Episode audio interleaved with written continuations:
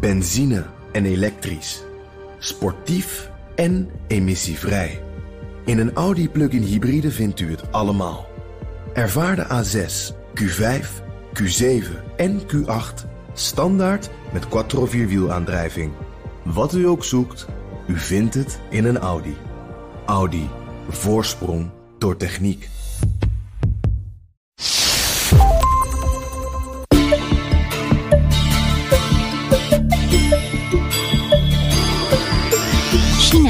Heeft een leerplicht. Deze plicht houdt in dat iedereen minimaal 9 jaar naar school moet. De kosten daarvoor worden betaald door de overheid. Veel families willen ook heel graag dat hun kinderen naar school gaan. Want zij zien dat wel als, zeg maar, uh, zoals ze vaak zeggen, van het enige pad uit uh, armoede.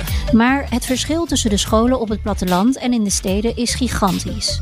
Dus daarom proberen ouders alles om hun kinderen op de beste scholen te krijgen. Zelfs zo dat ze bereid zijn om te verhuizen naar een buurt waar een betere school is, omdat je dan makkelijker toegang hebt tot die school. In deze aflevering onderzoek ik, Liao Wang, wat het perspectief is van kinderen op het platteland en in de steden.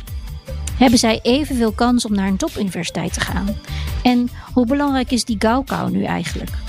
Dat ga je horen in deze aflevering van de China-podcast. Van mijn gasten Ardy Bouwers. Ik ben directeur van China Circle en daarin doe ik van alles over China wat ik leuk vind. Onder andere lesgeven aan de Universiteit van Amsterdam, aan onderstudenten en uh, aan de universiteit, uh, de Jinan Universiteit in Guangzhou in het zuiden van China.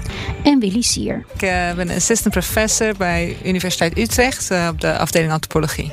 Wil je weten hoe je ervoor zorgt dat je kantoorruimte geschikt is voor alle nieuwe manieren van werken? Luister dan de laatste aflevering van Out of Office, de podcastserie van Vodafone Business over hybride werken. Met in de laatste aflevering advies over de rol van de kantoorruimte en hoe die verandert. Jurgen Rijman gaat in gesprek met Wouter Oosting, Executive Director Workplace Strategy and Innovation bij CBRE Nederland. En Joost Prins, co-founder van HubClub. Luister de podcast op bnr.nl of in je favoriete podcast-app. We gaan het dus vandaag hebben over het Chinese onderwijssysteem. Uh, ja, ik ken dat dus eigenlijk alleen maar van, uh, van anekdotes uit mijn familie. En een van de anekdotes die mij altijd bij is gebleven, is die van mijn neefje. Mijn neefje is ongeveer negen jaar jonger dan ik. En ik weet nog dat hij een jaar of twee, drie was. En toen moest hij op interview voor kindergarten. Uh, dat is dan heel erg uh, selectief en zo. En dan moest hij allemaal toetsen voor doen en ook echt een soort interview. En dan moest hij, stelde ik me dan zo voor dat een kleuter in een pak daar dan naartoe moest. En uh, ja, iets over zichzelf moest vertellen of zo. is dat zeg maar, is dat hoe het gaat in China? Ik denk dat dat heel erg afhangt van aan wie je dat vraagt. En um, ik denk dat dat zeker zo gaat in een, in een deel van China. Ik weet niet of kleuters in een pak uh, naar dat interview gaan, maar uh, dat uh, kleuters worden geïnterviewd voor toegang tot kindergarten. Maar ehm, mijn onderzoek gaat over de toegang voor jongeren van rurale achtergrond in het Chinese hoger onderwijssysteem. En daar is dat absoluut niet het geval. Nee. Dus eigenlijk hoor ik je zeggen, er is al een splitsing te maken tussen ja. de urban areas en de meer plattelandsgebieden. Ja, dat is denk ik in de ervaring van het onderwijs misschien wel het belangrijkste onderscheid. En um, waar zit hem dat onderscheid in? Um, ja, eigenlijk in uh, de hoeveelheid uh, educational resources. Wat betekent dat, educational resources? Wat zit er allemaal in? Dat gaat om uh, wat is er beschikbaar, wat voor type onderwijs zijn er beschikbaar, wat zijn de budgetten. Uh, dus voor uh, families in plattelandsgebieden is het vaak het geval dat er, nou ja, er is juist heel veel centralisatie geweest in de laatste tientallen jaren. Dus dat er vaak scholen in dorpen zijn vaak ook opgeheven. Dus het is eigenlijk gaat het vaak om ja, welke school is het dichtstbij, hoe kan ons kind daar naartoe komen. dus is er, uh, zijn mensen minder bezig met de competitie voor toegang tot de beste scholen, meer bezig met eigenlijk toegang in het algemeen. Gewoon überhaupt naar school gaan. Ja, absoluut. Ja. En, en hoe is dat anders bijvoorbeeld in de stad? Daar zie je precies wat jij uh, laat zien. Uh, dat al op heel jonge leeftijd uh, ouders alles uit de kast trekken om hun kind op een zo goed mogelijke kindergarten te krijgen. Om, omdat die daarna toegang geeft tot een zo goed mogelijke basisschool. En dan kom je ook op de, de optimale middelbare school. En vervolgens is dat dan weer een opstapje naar de beste universiteit. En dat is iets waar ouders zich enorm van bewust zijn. En waar ouders ook echt bereid zijn om e enorm in te investeren. Zelfs zo dat ze bereid zijn om te verhuizen naar een buurt waar een betere school is, omdat je dan makkelijker toegang hebt tot die school. En um, jij gaf net aan, Willy, dat dat gevoel van competitie eigenlijk op het platteland is dat er veel minder of misschien zelfs niet. Hoe belangrijk vinden mensen het daar dat hun kind überhaupt uh, een goede opleiding krijgt? Heel veel mensen vinden het heel belangrijk. Um, en het is ook uh, verplicht. Dus en daar zit, ligt best wel veel nadruk op. Dus dat, uh, ja, of je het wil of niet, uh, kinderen moeten naar school, de eerste negen jaar. Um, die eerste negen jaar uh, zijn voor die plattelandscholen zijn de kosten niet per se heel erg hoog. Um, mensen moeten wel soms extra bijdragen maken, bijvoorbeeld voor het lunchgeld of voor de boeken. Uh, en dat kan nog steeds een grote kostenpost zijn voor uh, families in plattelandsgebieden. Uh, maar ja, ook daar zeg maar de motivatie is hoog. En daarnaast is het ook niet echt een, een vrije keuze. maar veel, voor veel families willen ook heel graag dat hun kinderen naar school gaan. Want zij zien dat wel als, zeg maar, zoals ze vaak zeggen, van het enige pad uit armoede. Ja, dus het maakt eigenlijk niet uit waar je geboren wordt. Overal is er een enorme wil en een enorme nadruk ook op, op die opleiding. Ja, die is er wel, ja. Na die negen jaar nemen de leerlingen de zogenaamde Chongkao af. Die toets bepaalt naar wat voor middelbare school de leerlingen gaan. En volgens Willy zie je daar al een enorm onderscheid tussen de kinderen die geboren zijn op het platteland en degenen die uit de stad komen. Elke stap is heel erg belangrijk en voor een voor de jongeren van het platteland is het vaak maar een heel klein percentage. Bijvoorbeeld uh, in mijn onderzoek op een school uh, van 1600 kinderen die deelnamen aan dat, aan dat Zonkou-examen, dus voor toegang tot de middelbare school. Uh, eh, 20 daarvan gaan naar een, een, een middelbare school die eventueel uitzicht biedt op een plek op een universiteit. 20 van de 1600? Ja. En wat gebeurt er met de andere 1580? Die gaan ook naar een middelbare school. Maar die gaan naar een middelbare school waar de uitkomsten gewoon heel anders zijn. Dus uh, nou, zeg in een provincie zoals waar ik onderzoek deed in Centraal China heb je 123 universiteiten. Daarvan zijn er maar uh, zeven behoren tot die topcategorie. Daaronder zit nog heel veel. En vooral de allerbelangrijkste categorie, denk ik, want dat is bijna de helft van de universiteiten, is een categorie dat heet de Zwanke Universiteit. En dat is eigenlijk waar heel veel jongeren, dus al die andere 1580, heel veel jongeren van uh, rurale achtergrond terechtkomen. En moet ik dat vergelijken met soort van een HBO of een MBO? Of hoe? Ja, zo, zo zie ik dat soms wel. Alleen uh, de uitkomst van uh, zo'n uh, zeg maar, traject is wel vaak anders dan bijvoorbeeld wat we in Nederland zien bij een MBO of een HBO. Ehm, ten eerste ehm, het is vaak zo dat studenten eigenlijk onderweg pas leren over al dat onderscheid. Het is een soort van een universiteit is een, is een universiteit. Totdat ze daar dan terechtkomen en erachter komen van goh, eigenlijk is dit niet helemaal zoals ik het me had voorgesteld. Dus ze weten zelf niet dat ze niet naar een echte universiteit gaan? Um, eigenlijk in, in de aanloop daar naartoe niet, weten ze dat niet echt heel goed wat dan precies het verschil is. Uh, families weten dat ook vaak niet zo goed. Ze zijn de eerste in hun familie die naar zo'n universiteit gaan. En dan eigenlijk, terwijl ze daar studeren, komen ze er soms achter van: goh, ik kan hier eigenlijk niet mee bereiken uh, wat ik hoopte te bereiken. Want wat is het perspectief als je naar zo'n transe bent geweest? Nou ja, het ligt er ook nog erg aan wat je doet. Maar bijvoorbeeld, uh, nou, ik uh, heb onderzoek gedaan in een, uh, in een, in een opleiding voor accountants. En dat waren heel veel jonge vrouwen die dat deden. En dan bleek eigenlijk dat zij daarmee uh, alleen bijvoorbeeld de, aan de kassa in een winkel konden staan. Ze wel iets leren over, over, over getallen en financiën. Maar dat het absoluut niet zo is dat zij, als zij afgestudeerd zijn, ook echt als accountant aan de slag kunnen. Na de Zhongkao komt de door veel Chinese leerlingen gevreesde Gaokao. Dit is het allesbepalende toelatingsexamen voor universiteiten. Want je moet enorme hoge scores voor die Gaokao halen om toegang te hebben tot die topuniversiteiten. Dus ook daar, je het is een enorm voorsorteersysteem. Dus je moet zorgen dat je op de, op de goede plek terechtkomt om vervolgens maximale kansen te hebben. Uh, en als je dan die hoge, die hoge scores hebt, dan kan je naar de, de, de universiteit waar ik bijvoorbeeld lesgeef in, uh, in Guangzhou, de Jinan Universiteit. Daar komen mensen uit, uh, ook uit arme gebieden, zoals Guangxi of Gansu. Of eigenlijk van, vanuit heel China komen daar studenten naartoe. Um, is niet een van de top 10 universiteiten. Dus het is een iets uh, lagere categorie, maar wel een van de betere universiteiten. Um, en je ziet dat dat enorm belangrijk is voor hen en voor hun familie. Want dat is ook wat, uh, wat, wat studenten vertellen. Ik weet nog toen mijn moeder de Kauko deed. En dat was de lichting direct na de culturele revolutie. Dus dat was natuurlijk wel een hele bijzondere lichting. Maar uh, in die tijd kon je ook niet kiezen wat je ging studeren. Dus je maakte de Kauko. Dan was je goed in bepaalde dingen. En ook goed niet in bepaalde dingen. En dan bepaalde eigenlijk de overheid van... nou, jij mag naar deze universiteit. En jij gaat, in haar geval... jij gaat naar Tsinghua University. En je gaat elektrotechniek studeren. En als je dat niet wil... nou, dan ga je nog een jaar naar school. En dan doe je volgend jaar de Kauko weer... om te kijken of je andere scores krijgt. Is, is dat nog steeds hoe het werkt? Nou, het is heel ingewikkeld. uh, uh, ja, het is echt heel ingewikkeld. Want um, in principe mag je wel kiezen.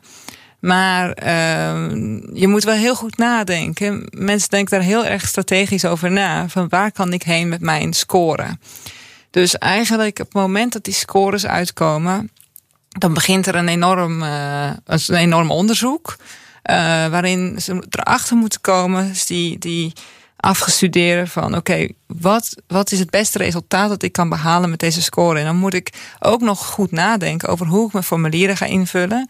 Dus in 2016 was het in ieder geval zo dat mensen mochten zes uh, keuzes opgeven. En dan geef je op waar je wil studeren, welke universiteit. En ook welk onderwerp. Nou ja, sommige, sommige bijvoorbeeld uh, majors zeg maar, zijn veel populairder dan andere. En daar heb je een veel hogere score voor nodig dan andere. Dus je kan ervoor kiezen van nou dan kies ik een minder populaire zeg maar, richting. Maar op een betere universiteit. Want dan krijg ik de meeste waar voor mijn punten. Maar je kan er ook voor kiezen, weet je, om anders te werk te gaan. En is het ook nog wel zo dat als universiteiten dan eigenlijk de selectie maken, dan vinden ze het vaak belangrijk dat uh, de applicanten hun universiteit als eerste keuze hebben opgegeven. Dus je moet heel goed oppassen dat je dus niet, niet uh, ja, dat je, dat je, dat je, dat je dat allemaal zo invult dat dat uh, uiteindelijk de beste optie eruit rolt. En, en zijn er dan nog, uh, weet ik veel, dingen als diversiteitscriteria? Of dat ze bepaalde plekken hebben voor het platteland of dat soort dingen? Ja, het is weer heel ingewikkeld. uh, want uh, nou, het zit eigenlijk zo dat het is echt heel interessant dat de centrale overheid die, die legt eigenlijk echt heel nauwkeurig vast uh, welke soort studenten waar wat kunnen studeren elk jaar. Dus een, universiteit ontvangt, dat is een soort van uh, studentquota elk jaar, waarop precies staat: jij mag voor deze major zoveel studenten toelaten, die moeten uit die provincie komen en die moeten een bepaald aantal punten hebben. Dus dat is echt een, een soort van super ingewikkeld proces van social engineering. En uh, dat wordt gebaseerd eigenlijk op de, op de scores van de mensen die het jaar daarvoor in die programma's uh, zijn toegelaten. En jij zegt social engineering, hè? Wat, wat bedoel je daarmee? Nou, omdat er dan echt heel goed wordt nagedacht over um, uh, hoe. Nou ja, dat komt voort uit bepaalde ideeën over toch een soort van verdelen. Bijvoorbeeld, we, we, we laten in deze major, laten we, uh, nou, ligt er erg aan wat voor universiteit je kijkt. Maar als je niet kijkt naar een topuniversiteit, maar een zeg maar mid-ranking university, dan die hebben uh, bepaalde policies, die moeten vooral de lokale studenten bedienen. Dus je moet bijvoorbeeld 90% van de studenten moet lokaal zijn. Dat komt ook voort uit bepaalde politieke ideeën, ook van mensen in die provincie die vinden van mijn belastinggeld moet gaan naar uh, mijn kinderen. Maar er is ook een stukje, uh, dat komt ook voor uit ideeën zoals de trickle-down-theorie, van we moeten ook, ook met elkaar delen. En rijkere gebieden van China moeten ook de armeren een soort van omhoog tillen. Uh, dus nou, dan wordt er heel precies gekeken. Oké, dan een ander stukje gaat dus naar bijvoorbeeld tien studenten uit een armere provincie in het westen. die een bepaalde score hebben en die voor deze richting kiezen. Maar dat wordt dus helemaal dus, gespecificeerd. ja, deze score, deze provincie, deze major. Tot op de student af. Het is ongelooflijk als je het ziet. De Gaokao wordt maar één keer per jaar gehouden. Dus de weken voorafgaand aan dit examen doen de leerlingen niets anders dan studeren. Chinese sociale media staan in die tijd dan ook vol met reclames waarin het belang van de Gaokao naar voren komt.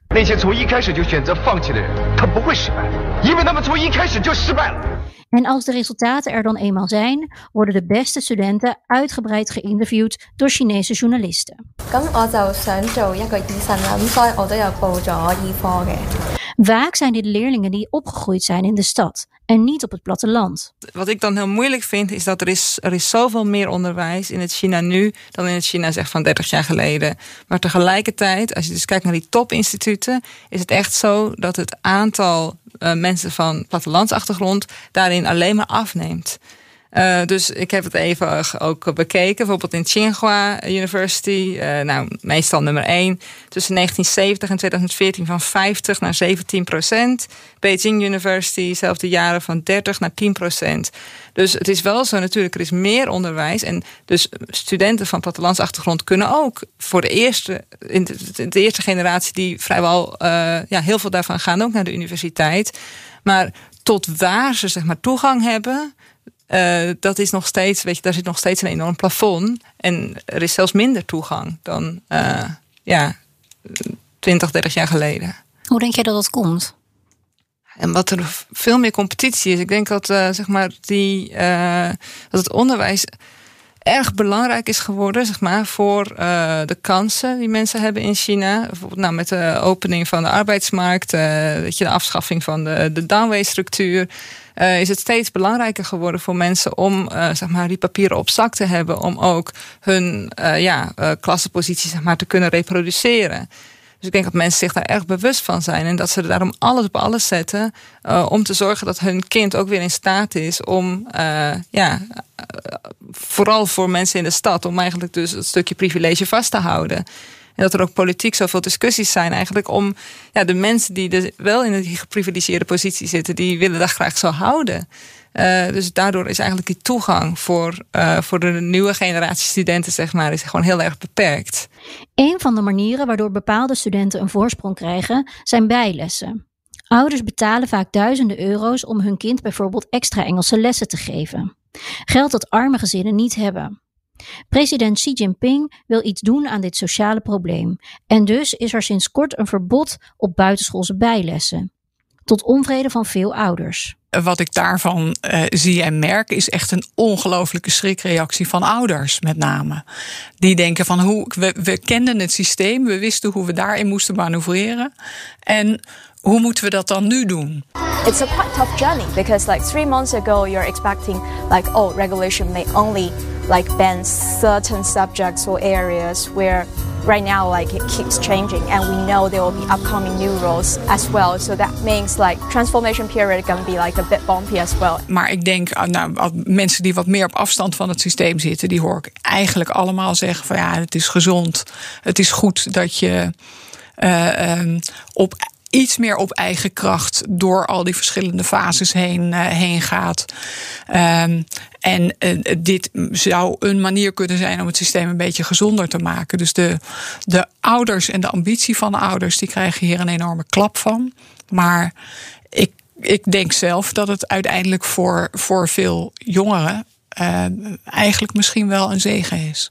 Ja, ik vond het ook wel heel leuk. Ik kreeg ook uh, reacties van, uh, nou ja, ik heb uh, ook iemand die onderdeel was van een onderzoek die, die runt zo'n school voor, voor bijlessen, zeg maar. En, en, en die was zo ver, verward en verbaasd van als dit wordt verboden. Toen, toen stelde ze me letterlijk de vraag, maar wat, wat doen kinderen dan in Nederland als ze niet naar bijles gaan? Wat, maar wat doen ze dan in de middag? Oké, hè? ja. Mag ook niet meer. Dat mag ook niet meer. Drie uur per week, alleen in het weekend, ja. Dus, ja, dus dat was best wel. Dus ik, ik stuurde op een gegeven moment echt foto's van mijn nichtjes en neefjes. Van nou, dit soort dingen. Dan, dan spelen ze met hun vriendjes op de buurt. Uh, maar ja, het was gewoon voor haar heel moeilijk uh, om zich voor te stellen van waar moeten die kinderen dan allemaal heen? Of hierdoor de kloof tussen het platteland en de stad inderdaad kleiner wordt, is nu nog koffiedik kijken. Maar één ding is volgens Willy wel zeker. De overheid moet veel meer doen als er echt uh, bijvoorbeeld een motivatie zou zijn van we willen meer gelijkheid creëren, zeg maar, uh, via het, hoger onderwijssysteem, ja, dan zouden die voorsorteerprocessen zouden dan uh, op een heel andere manier moeten plaatsvinden. Dan zou er veel meer geld moeten gaan naar bijvoorbeeld primair onderwijs in plattelandsgebieden. Dus dan zou je moeten gaan tornen aan bepaalde privileges van mensen die daar nu van genieten. Ja, en ik denk dat je dan pas echt de pop aan het dansen hebt. Dus dat, dus dat verwacht je ook niet? Dat verwacht ik niet, nee. Maar toch is zo'n ommezwaai volgens Ardi nodig. Want als China zijn leidende rol wil behouden, moet de Chinese economie meer consumptie gedreven worden. En daar moet de hele bevolking ook in mee. En volgens mij is daar onderwijs voor het platteland een heel belangrijk iets in. Om die omslag uh, uh, te kunnen gaan realiseren. En uh, waar zie jij hem dat dan in? Zeg maar, wat moet er dan op het platteland gebeuren om, om dat te kunnen realiseren? Wat er zeg maar 30 jaar geleden gebeurde, is dat er op uh, hele grote schaal het opeens mogelijk werd om uh, te migreren binnen China. Dus van naar plekken toe te gaan waar, waar uh, interessant werk was. dat heeft een enorme boost gegeven aan, aan de economie. Um, en verder zie je dat die economie enorm met investeringen bezig is geweest in uh, nou ja, die vastgoedsector, maar in wegen, in allerlei infrastructuur, hoge snelheidslijnen. Um, op het moment dat dat, en dat is echt ook een, een doel wat de Chinese leiders uitspreken, op het moment dat je, een, dat, je, dat je dat wil omvormen naar een economie die consumptie gedreven is, intern door Chinezen, dan heb je een uh, een grote middenklasse nodig die die consumptie ook gaat waarmaken. Dus dat betekent dat je heel veel van het um, nog niet benutte potentieel op het platteland naar steden moet gaan brengen. En de enige manier om die uh, goed productief te krijgen is om, om te zorgen dat mensen goed geschoold zijn. Ja, daar ben ik het helemaal mee eens. Misschien als ik op een positieve noot uh, nog iets mag zeggen, dan zou iets wat, wat ik denk dat verandert ook wel zijn. Een soort van zelfbewustzijn van de generatie ruraal-urbane migrant die ik zeg maar bestudeer. Omdat je uh, dan zeg maar die uh, migranten die zo belangrijk zijn geweest voor de economische groei van China, die sinds de jaren tachtig zeg maar naar de steden zijn gekomen, toch vaak de positie hadden van een soort van tweederangsburger, niet lokaal geregistreerd, geen toegang tot, stedelijke uh, subsidies uh, en staatsresources. en die, um, ja, maar die ook vaak zichzelf alleen maar zagen als tijdelijk. En heel erg nog uh, van ik hoor hier eigenlijk niet. Alsof ze ook weer teruggingen naar het platteland. Ja, ja dus ook in tijdelijke woonruimte woonden en zich niet echt, echt uh, zeg maar mengden met mensen in de stad. En nu bijvoorbeeld voor deze uh, generatie van jongeren die via het hoger onderwijssysteem naar de steden komt, ook al hebben die nog steeds weinig toegang tot uh, bijvoorbeeld het topsegment van het hoger onderwijs. En zijn er nog steeds veel obstakels die zij tegenkomen. Ze zijn wel. Uh, ze zitten vol zelfvertrouwen. Ze hebben hele grote ambities. Ze zitten vol met hoop. Ze, ze lopen met zelfvertrouwen door die stad. Ze hebben grootse plannen. En ze zien zichzelf als permanent in de stad. Uh, dus ja, dat is ook toch wel echt heel anders. Dus die worden soms nu uh, ook uh, ja, toch een new generation migrants, dat soort dingen, dat soort woorden poppen erop, zeg maar. En dan denk van dat is wel interessant, van die, die ruraal-urbane relaties, er verandert dus wel iets. Dit was aflevering 10 van het derde seizoen van de China-podcast. Dank aan mijn gasten Ardy Bouwers en Willy Sier. Deze podcast komt mede tot stand door het Leiden Asia Center. De China-podcast wordt gemaakt door mij, Liao Wang en John Boy Vossen, die de productie voor zijn rekening neemt. In de volgende aflevering kijken we naar de bankensector. Eerdere afleveringen van de China-podcast zijn terug te luisteren via bnr.nl slash China-podcast, de BNR-app of je favoriete podcastplatform. Reageren? Dat kan via podcast.bnr.nl. Benzine en elektrisch. Sportief en emissievrij. In een Audi plug-in hybride vindt u het allemaal. Ervaar de A6, Q5, Q7 en Q8 standaard met quattro vierwielaandrijving. Wat u ook zoekt, u vindt het in een Audi. Audi. Voorsprong door techniek.